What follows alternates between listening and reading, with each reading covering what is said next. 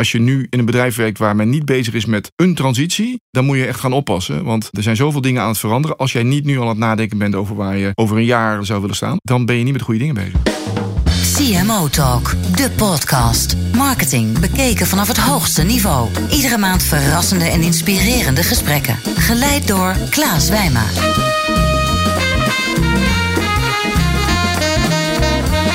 Leuk dat je luistert naar CMO Talk. Ik ben Klaas Wijma, oprichter van Energize, het bureau van eh, verdiende aandacht uit Amsterdam.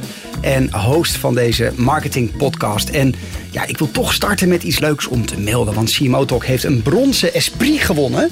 Ja, eh, in de categorie Business to Business. En dat is een hele mooie vakprijs waar we trots op zijn. En dat was natuurlijk nooit gelukt zonder onze fans en uiteraard onze gasten. Uh, die ik vandaag ook in de studio heb. Want we hebben niet zomaar iemand in de studio. We hebben Theo van Uffelen in de studio. En Theo is marketing director particulier Netherlands bij Egon. Theo heeft een hele mooie bio, want hij heeft een, zowel een hele rijke staat uh, van dienst bij de Fast Moving. Het is ook een ondernemer, het is een adviseurs, consultant geweest. En hij is, en dat weten misschien niet heel veel mensen, de man achter de legendarische Wij van WC Eend campagne. Uh, die nog steeds door veel mensen natuurlijk uh, zo wordt opgehaald in allerlei uh, zakelijke contexten. Later had hij de leiding over de merken De Ruiter en Honig. En hij was ook partner bij Brand Doctors. Dus hij heeft ook de bureauzijde meegemaakt. CMO Talk wordt aangeboden door Adformatie en Adobe en is ontwikkeld door Energize en voicebooking.com. Vier jaar geleden maakte jij de overstap naar een Egon Theo. En ja, toch wel een, een, een belangrijke stap, want uh, vanuit Theo's huidige functie is hij vanuit marketing verantwoordelijk voor de transformatie van een hele klassieke productorganisatie naar een meer klantgerichte organisatie. En dat is waar we het vandaag over gaan hebben. Staat jouw bedrijf voor een belangrijke organisatietransitie? Komt agile of agility ook veelvuldig voor op de agenda van het management? Uh, dan is deze podcast helemaal gemaakt voor jou. En we gaan er in ieder geval een, uh, een, feest van maken. En ik heb er zin in. Theo, van harte welkom. Ja, dankjewel. Laat ik beginnen met jou te feliciteren met de Bronzen Esprit. Wat hartstikke gaaf. Ja, en wat mij betreft ook helemaal verdiend. Want wat ik leuk vind, is als ik naar de podcast luister. Dat zijn typisch van die dingen die je in de auto... of op het moment dat je even de tijd hebt om goed te luisteren... die is, zijn heel verrijkend, heel inspirerend. En ik vind het echt weer een plezier om, uh, om naar te luisteren. Dus ik vind het geweldig om even ook een bijdrage te mogen leveren. Ja. Dus dank jou wel. Nou, super. Voordat je bij Egon uh, aan de slag ging, Theo, gaf ik net al aan in de bio, ja. bekleden je diverse functies, met name bij uh, de grotere fast movers, Unilever, Coca-Cola. Wat heeft jou ertoe gebracht om de overstap te maken, de financiële dienstverlening? Ja, dat was wel grappig, want dat is niet iets waar je op dat moment dan heel erg over nadenkt. Maar achteraf uh, kon ik wel bij mezelf vaststellen, eigenlijk ging het in drie fases. De eerste fase was meer dat ik ergens weg wilde. Ik zat toen bij Coca-Cola ik stelde vast van ik zit eigenlijk al 25 jaar in de fast moving. Uh, maar ook ik werkte al nou, zo'n kleine 6, 7 jaar internationaal. Met veel internationale reizen. Veel verantwoordelijkheid voor meerdere landen. En ik was eigenlijk wel weer toe aan, ik wil weer gewoon in Nederland een keer werken. En ik wil weer graag voor één land verantwoordelijk zijn. En dan ook met mijn handen aan het stuur zitten. En niet zeg maar van een afstandje meerdere landen sturing geven. Toen ben ik redelijk toevallig tegen Egon aangelopen. En oprecht geïnspireerd geraakt door het verhaal achter Egon en de missie waar ze mee bezig waren. De transitie van, wat je al zei, van een productgerichte organisatie veel meer naar een klantgerichte organisatie. En oprecht dus geïnspireerd geraakt door de mensen met wie ik sprak. Maar ja, dat stond nog best wel eng om een, een stap te maken van een echt een hardcore fast mover naar een compleet ja. andere business. Toen ben ik wat meer gaan verdiepen in, oké, okay, wat is dienstenmarketing dan? Toen kwam ik eigenlijk tot de ontdekking, eigenlijk tot de overtuiging dat de next step in het vak marketing, die gaat denk ik eerder plaatsvinden, of die vindt denk ik nu plaats in dienstverlening veel meer dan in fast moving. Wat ik merk is dat met de mogelijkheden van de één op één relatie die je kan hebben met een klant als dienstverlener. Omdat je een, een klantenbase hebt die je kent. Je hebt vast contact met die mensen. Je hebt gegevens van die mensen. En wat je tegenwoordig ook hebt, de technologie om al die data goed te kunnen gebruiken. Zijn we op weg of zijn we al een groot deel, voor een deel gearriveerd in tijd dat je één op één marketing echt gewoon kan laten werken. Dus dat je per persoon een relevante boodschap op een juist moment bij iemand over de deur kan laten vallen. En dat kan je veel minder goed in fast moving. In mijn Coca-Cola tijd, we hadden 40 miljoen Facebook volgers. Mm -hmm. Maar die kan je niet individueel bekijken of benaderen. Dat is altijd in grote cohorten. Waarom is dat zo? Je hebt niet een soort van, ja, ik noem het even een factuurrelatie of een vaste relatie. Hmm. Wij hebben al onze klanten in ons bestand staan. Wij kunnen klanten bij wijze van spreken dagelijks mailen als we dat zouden willen.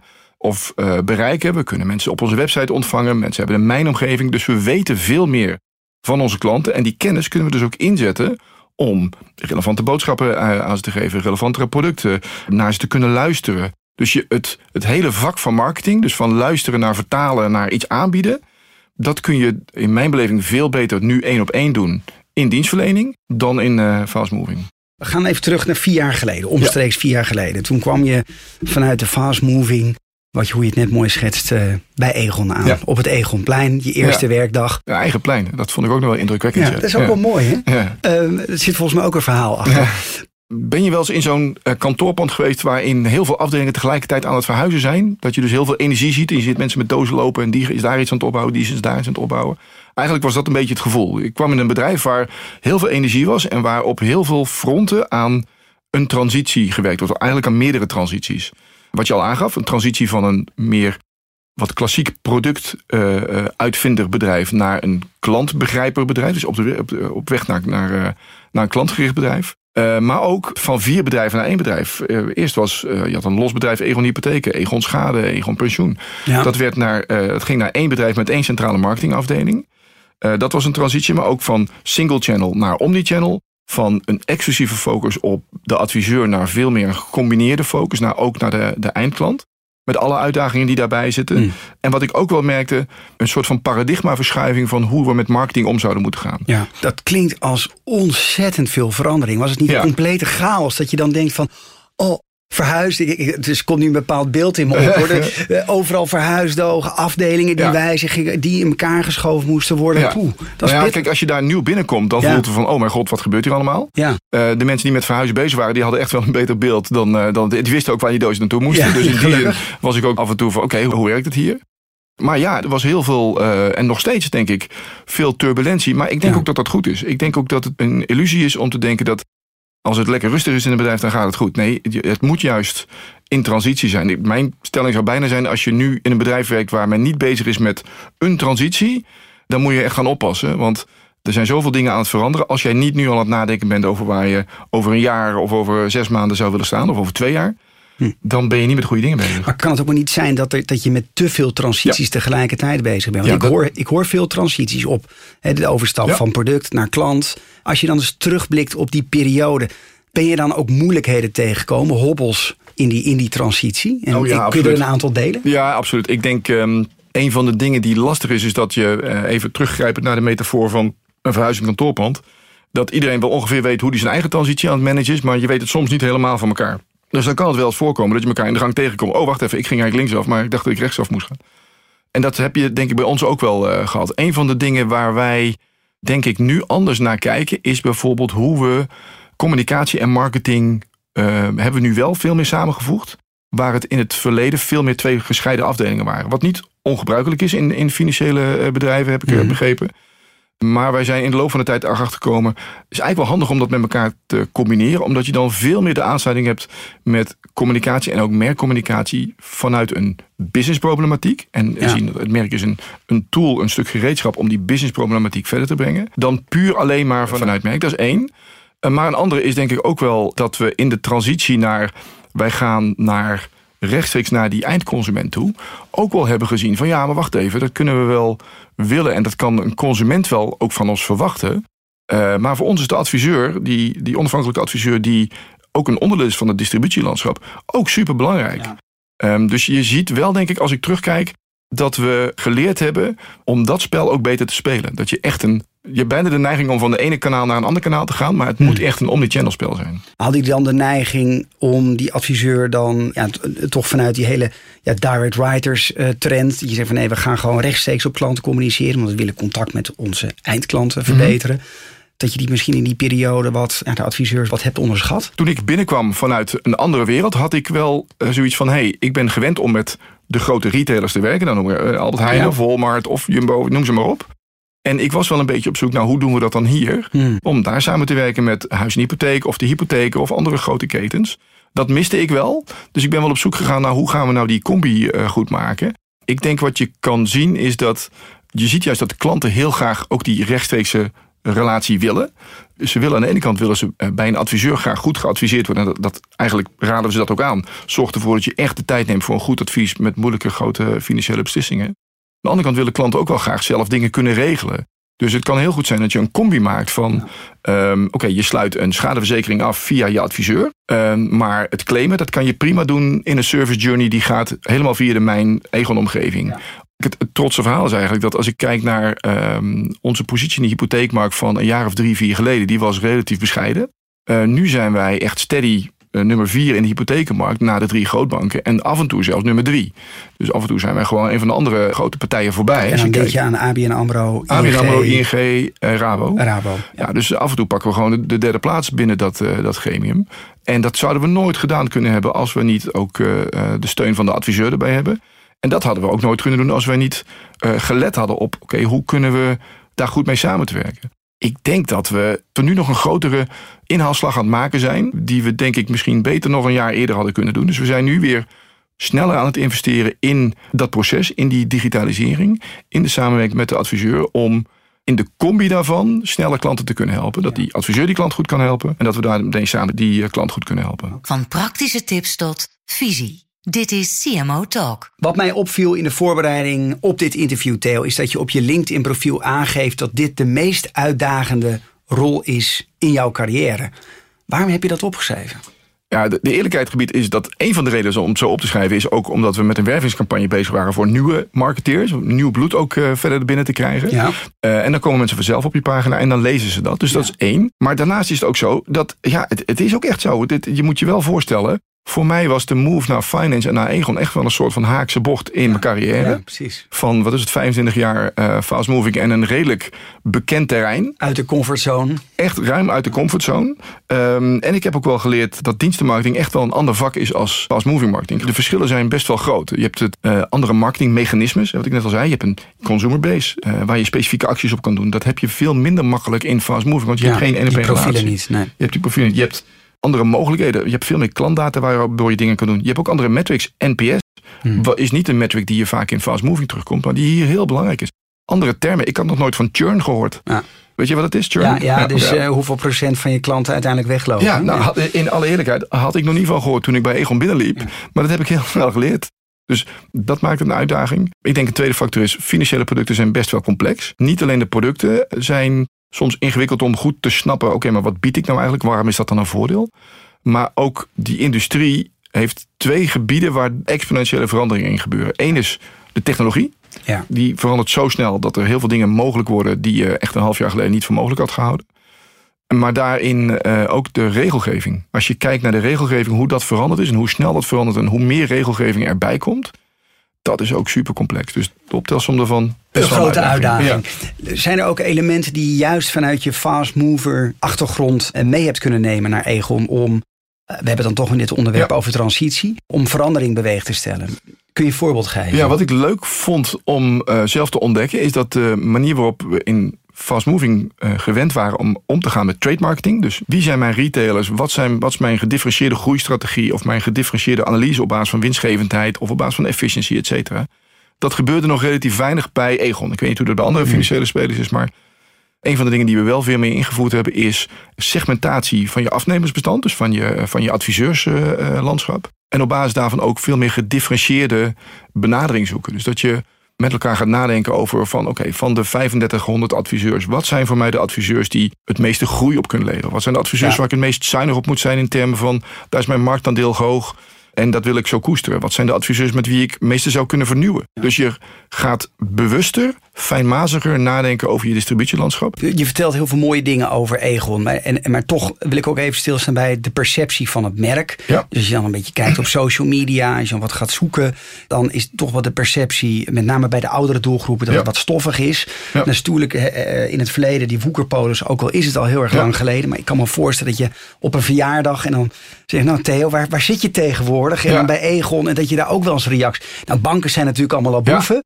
En ik heb hier al veel banken gehad in, uh, bij CMO Talk. Maar wat doet dat met jou als marketeer? Laat ik vooropstellen dat ik het mensen ook niet echt heel erg kwalijk kan nemen. En mm. je zegt ouderen, dat is net zo met jongeren. Als ik mm. nu met jongere mensen praat, dan zeggen ze: Egon, ja, is dat niet iets. Uh, en dan komt er vaak niet eens zo heel veel. Uh, verrassend veel mensen denken nog aan schaatsen of aan Ajax. We zijn echt bezig met hele mooie dingen. Dat Hmm. vind ik het een van mijn drijfveren om bij Egon te gaan werken. Was, Laten jullie dat ook voldoende zien naar de buitenwereld? Als we het dan toch over die perceptie hebben. ja, Zijn jullie misschien wat te bescheiden als Egon? nou, ik, ja ik, ik denk dat we goede dingen hebben gedaan. Ik denk dat we nu op de vooravond staan van een grotere beweging naar buiten. En een grotere, hoe zeg je dat, manifestatie naar buiten van wat we nu noemen ons goed met geld programma. Kijk, Hmm. Egon heeft de missie, we willen mensen eh, helpen om zeg maar, eh, zelf en bewust financiële beslissingen te nemen. Dat is best een lange zin. Als je dat plat slaat, dan gaat het eigenlijk over drie woorden. Goed met geld. We willen mensen Ja. goed met geld maken. Dat is belangrijk, omdat wat heel veel mensen niet doorhebben. Maar wat wel zo het geval is, je wordt steeds meer individueel verantwoordelijk voor je eigen financiële toekomst. Hè, waar vroeger de overheid dingen regelde, of dat het bedrijf het dan regelde. Moet je allemaal zelf regelen. Nou, heel veel mensen Ja. hebben dat niet door. Of als ze het al door hebben, hebben ze allerlei drempels en redenen om het allemaal nu even niet te doen, maar morgen misschien uit wel. te stellen, want het is niet leuk. Het is Nee. gedoe. Eens. Nou, dat is Ja. best wel een ding. Want als mensen dat niet doen, er is een soort van onzichtbare deadline bij 45. Als je dan niet je zaken goed geregeld hebt of aan het regelen bent, dan heb je echt wel een probleem op het moment dat je met pensioen gaat. Hm. Dat is niet alleen dan een probleem voor heel veel individuen die dan tegen een soort van financiële muur aanlopen en denken van, oh, had ik maar 20 jaar geleden dit gedaan. is ook dan een probleem voor de BV Nederland. Op het moment dat je dan ziet dat heel veel inkomenspatronen achteruit gaan. Ja. Dus nou, dat gaat ons aan het hart. En daar hebben we heel veel content voor gemaakt. We hebben het eerste kwartaal van dit jaar besteed om goede content te maken. Maar ook die content één voor één door te meten. Om te kijken, oké, werkt die? Heeft hij een goede view-through als het een video betreft? Heeft hij een goede click-through en conversie? Heeft het een effect op het merk? Dus we hebben heel goed nagedacht. Zijn we de goede instrument aan het maken? En we zijn nu op het punt dat dat Naar buiten eh, naar buiten willen brengen. Dus als het een beetje meezit, eh, hebben we half juli Ja. gaan we nadrukkelijk op tv en veel meer in de massamedia om ook aan te kondigen. Kijk jongens, dit is ons goed met geldprogramma. Dit zijn de video's die we gemaakt hebben. En het houdt niet op met video's. We hebben ook heel veel tools gemaakt en handelingsperspectief bieden, bieden wij mensen om zelf aan de slag te gaan. Van praktische tips tot visie. Dit is CMO Talk. Ik wil graag eh, jou een stelling voorleggen. Want in CMO Talk leggen wij onze gasten altijd een aantal stellingen voor. Hier komt de eerste, Theo. De insourcing trend van creativiteit door corporates is gedoemd te mislukken. Ja, prachtige stelling. Ik ben het er niet mee eens. Nee, nou vertel. En om te beginnen zou ik zeggen van... Ik, ik zou niet weten waarom het gedoemd zou zijn te mislukken. Mhm. Want zijn, dan, daar zit een soort assumptie achter... dat je creativiteit niet in een, in een bedrijf kan hebben... maar alleen in een soort bureau. Dat, daar geloof ik niet in. Ik geloof dat creativiteit in mensen zit. En dat je dat op elke manier uit kan halen. En de andere kant daarvan is denk ik ook... ehm, ik denk niet dat je alle creativiteit kan insourcen... maar op Mhm. een aantal fronten, content marketing... kleine dingen in storytelling... dat het heel nuttig is om dat juist wel in het bedrijf te hebben. Omdat je veel meer snelheid dan hebt om te kunnen reageren. Je hebt veel meer aansluiting met de businessproblematiek die speelt, wat ik net Ja. al aangaf. En ik denk dat het ook meer authenticiteit heeft. Dat je niet creativiteit dan via een bureau die dan weer terugkomt naar het bedrijf en dan gaat reageren. Maar je noemde net wel de samenwerking met TBWA. Ja. En zei van nee, maar goed, voor die stories hebben Ja. wij echt wel hè, de hele pre-productie, het, Ja. het, het, uit de markt halen van die verhalen hebben we daar neergelegd. ja, Hoe- klopt. Dus ik denk ook niet dat je alle creativiteit kan insourcen. Dit soort grote producties, het strategische communicatie denken, daar heb je echt wel eh, mensen voor nodig wiens vak dat dan weer is. Je bent inmiddels da- meer dan 25 jaar eh, actief in het eh, marketingvak, Theo. Dat is een lange tijd. Ja. Als je nu kijkt eh, naar ons thema hè, van deze podcast, hè, transitie, organisatieverandering. Wat is de meest opvallende verandering in de manier waarop marketing nu bedreven wordt? Als je kijkt naar de essentie, de basisstappen van marketing, is eigenlijk helemaal niet zoveel veranderd. Marketing, je moet maar vier dingen goed kunnen. Marketing is een simpel vak, is mijn stelling. Je moet goed kunnen begrijpen. Dus een goed een klant kunnen begrijpen. En dat kan zowel de datakant zijn, dus de harde kant, maar ook de zachte kant. Je moet goed kunnen vertalen, dat begrip kunnen vertalen naar, oké, maar als dit in klanten speelt, of in, wat zou dan de strategie kunnen zijn? Wat zou dan Mhm. een propositie kunnen zijn of een journey? Je moet goed kunnen realiseren, dus je moet goed met anderen met ze samen kunnen werken om dan vervolgens dingen te kunnen maken. Te maken. En je moet goed een verhaal kunnen vertellen. Zowel naar binnen, je moet goed een businessverhaal kunnen vertellen. Waarom is dit belangrijk? Waarom moeten we dit doen, beste collega's? Maar ook naar buiten een verhaal kunnen vertellen naar klanten. En dat een verhaal wat raakt in het hart en niet echt schamt bij het hoofd, bij wijze van spreken. Dat is marketing. Dat is niet veranderd. Dat was 30 jaar geleden zo. Dat is in mijn optiek vandaag nog steeds zo. Wat wel veranderd is, dat is het tweede deel, is denk ik de verschijningsvorm of de mogelijkheid die Ja. je hebt. Het omveld waarin dat gebeurt. En zeg maar de, de enorme explosie bijna van mogelijkheden. Want Ja. waar je vroeger Nielsen had en als het goed is een ad hoc marktonderzoek en dan had je het wel gehad. Heb je nu zo, wat ik al zei, je hebt zoveel mogelijkheden om van klanten dingen te weten te komen. Om te kunnen analyseren, om Mhm. data overal vandaan te halen. Dus je moet dan ook oppassen dat je niet te veel bij elkaar gaat brengen. Maar dat je nog wel goed gaat begrijpen. Je hebt veel meer manieren om te kunnen begrijpen. Nou, dat geldt voor die andere stappen ook. Je hebt veel meer manieren om te kunnen vertalen. Als je kijkt naar... Andere manieren van storytelling. Ja, ook. En, en als je naar de productstuk kijkt, ehm, als je nu kijkt, zoveel producten die veranderd zijn of aangevuld zijn van, van een product, een plaatje, naar een dienst. Een Spotify of, of een Apple Music. En dat kun je op zoveel andere dingen ook loslaten. We zijn veel meer nog naar, naar diensten-economie gegaan. Of een Ja. aanvulling, product en dienst. Nogmaals, de kern van het vak is gelijk gebleven. De manifestatie en de mogelijkheden zijn veel groter Zijn anders geworden. geworden. Dus je moet in mijn optiek halstarrig blijven vasthouden aan de kern. Ja. En nieuwsgierig blijven naar de mogelijkheden en dan de goede keuzes maken. Precies. Wat is jouw aanpak, jouw stijl als manager om om te gaan met een organisatie die in transitie is? Ik denk dat het belangrijk is dat je met elkaar een goed beeld probeert te creëren. van, Oké, waar willen we naartoe? Ja. Dan, eh, en wat is die wereld dan? eh, Dus de grotere why of de, de Ja, gedreven, de missie ja, die jullie ja, we, hebben het vaak over purpose. Eh, we hebben agile teams of marktbewegingsteams die op een agile manier werken. Waar we ook heel goed de purpose proberen te doen. En dat is niet alleen maar een KPI van ik moet zoveel verkopen. Maar nee, maar wat is de verandering die wij willen teweegbrengen in het leven van mensen? Dat is veel meer iets waar mensen op aanslaan. Ja, Daar moet je heel streng op zijn. Van oké, wat is dat dan? En dan echt doorvragen. Zowel om zeg maar de, de lofty goal, dus de, de, de inspirerende kreet. Maar ook prima, maar hoe ga ik dat meten dan? En dat, Ja. dat kan je namelijk eh, altijd als je goed doordenkt ook wel weer in KPI's vinden. Of in Mm. Leading indicators die weer een voorloper zijn van de uiteindelijke en KPI. dan komt de marketeer in jou, eh, dan gaat jouw marketeershart waarschijnlijk. Ja, ik geloof heel erg in een combi van passie en systeem. Ja. Dus je moet een systeem en structuur hebben. Want anders gaat passie alle kanten op en dan heb je nog niks. Maar je hebt ook niks aan een systeem zonder passie. Dan heb je alleen maar dingen die stilstaan. Dan heb je een spreadsheet. Ja, daar heb je spreadsheet. Daar word je ook niet blij van. Een goede marketeer heeft en passie en ongebreidelde energie en een wil om dingen te veranderen. Maar ook een soort van blauwige structuur in management drives termen eh, gesproken. Die nadenkt over, oké, leuk dat ik dat wil, maar hoe ga ik dat dan voor elkaar krijgen? Ik heb een tweede stelling voor je, Theo, die ik aan je voor wil leggen. Want we noemden het net al, B2B en B2C. Ja.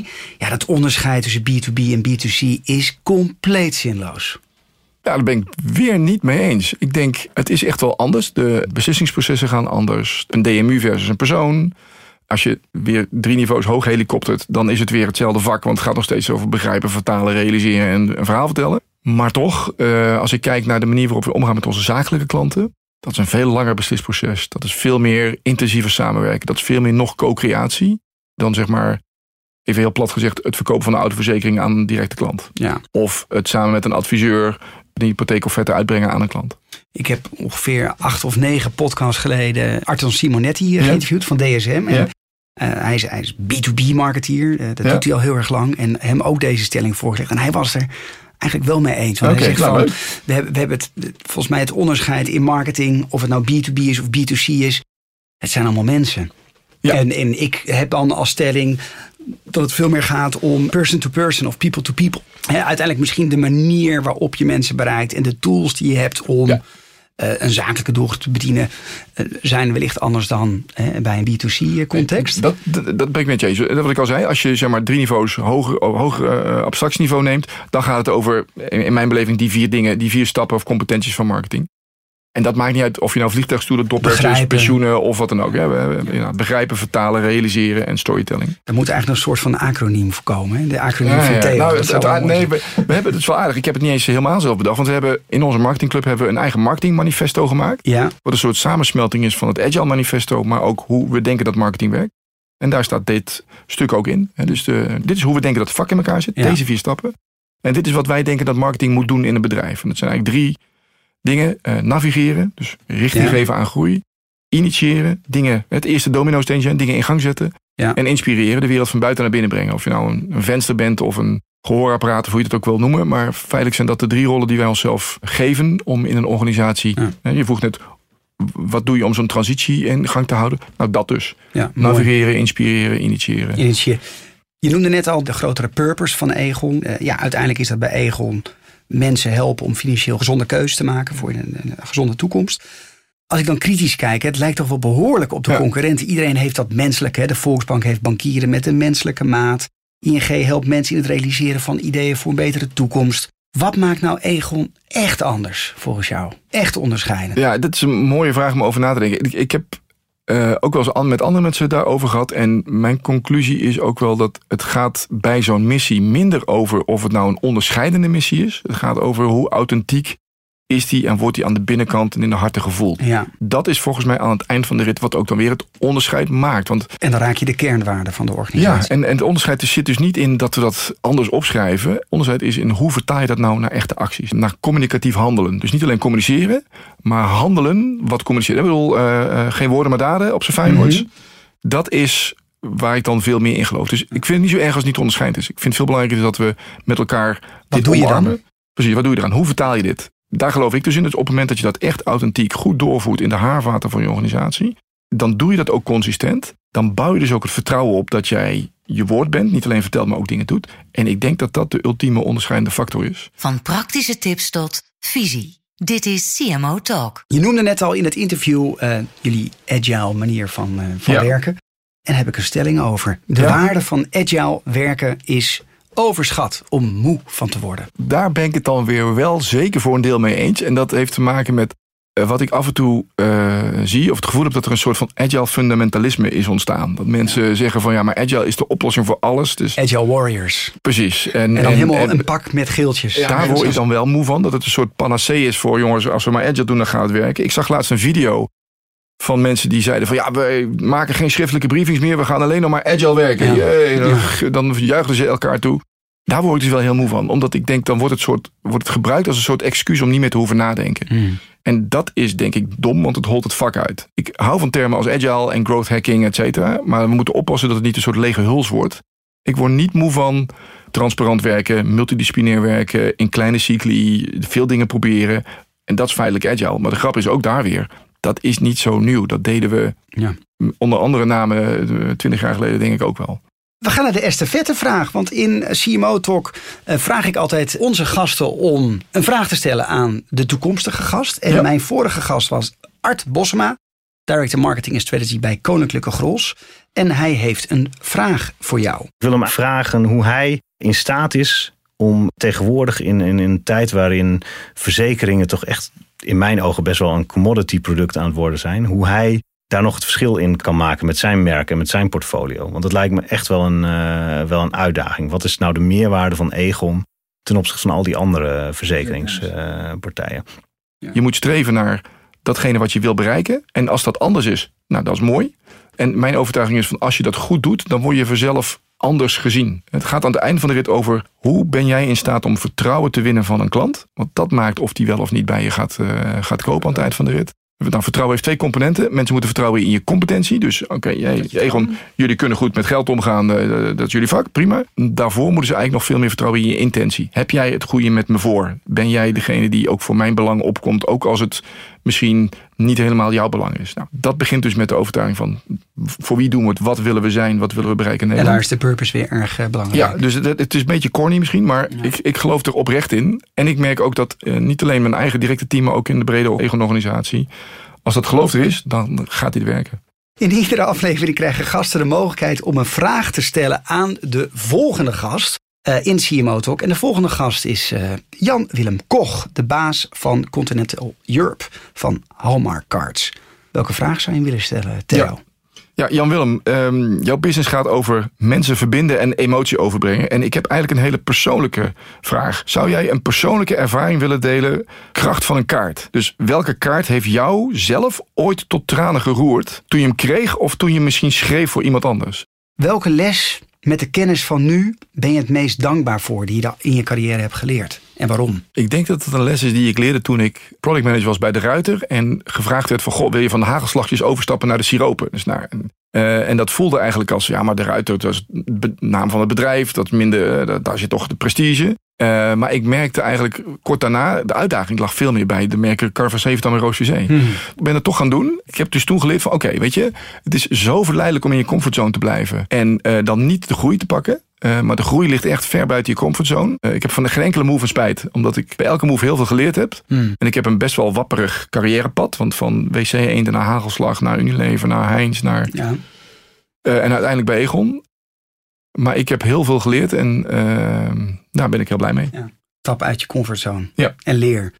Ik heb nog een laatste persoonlijke vraag, want ik ben toch die mantra voor jou kan ik niet loslaten. dus eh, begrijpen, vertalen, realiseren en storytellen. Wat, waar ben jij zelf het best in? Ehm, ik vind het leukste storytellen. Ik ben een lezer, dus ik hou heel veel van verhalen. Ik verdiep me ook in hoe vertel je nou een leuk verhaal. En ik merk wel dat ik het meeste energie krijg van een verhaal vertellen aan anderen. Dat deed ik vroeger al met mijn kinderen. Verzonnen we gewoon samen een verhaal, weet je wel. Dus je kan een boek voorlezen, heb ik ook gedaan. Maar ook wel dat we gewoon met z'n tweeën een verhaal gingen bedenken. Van goh, uh, ik kan me nog herinneren uh, dat we een verhaal hebben bedacht over een ijsblokje. Ja, ik, ik krijg daar veel energie van. Ik krijg er veel lol uit. En ik merk ook dat je met een verhaal iemand anders kan raken. En als je iemand kan raken op een kruispunt van het leven. Of op gewoon een moment dat hij denkt van ja, dat, dat heb ik onthouden. Ja, dan maak je wel een verschilletje in iemands leven, in iemands ervaring. Dat vind ik heel mooi. We zijn aan het eind gekomen van deze aflevering van CMO Talk. Dank voor het luisteren, luisteraars. Wederom naar deze podcast. En Theo, uiteraard hartelijk dank voor je komst. En voor de luisteraars nog wat leuk nieuws dan over CMO Talk. Want uiteraard zijn we te vinden op de grotere podcastplatformen als iTunes Podcast en op Soundcloud. Maar sinds kort ook op Stitcher, op Frank News en uh, binnenkort op Spotify. Dus dat is leuk. En uh, we zouden het uh, nog leuker vinden als je daar een review kan achterlaten. Want zo help je andere luisteraars ook om deze podcast te vinden. En in de volgende aflevering kun je luisteren naar Jan-Willem Koch van Hallmark Cards. Ik kijk er in ieder geval naar uit. Hartstikke goed. Tot de volgende podcast. Dank voor het luisteren naar de CMO Talk podcast. Ga voor meer afleveringen naar cmotalk.nl. CMO Talk wordt aangeboden door Adformatie en Adobe en is ontwikkeld door Energize en voicebooking.com.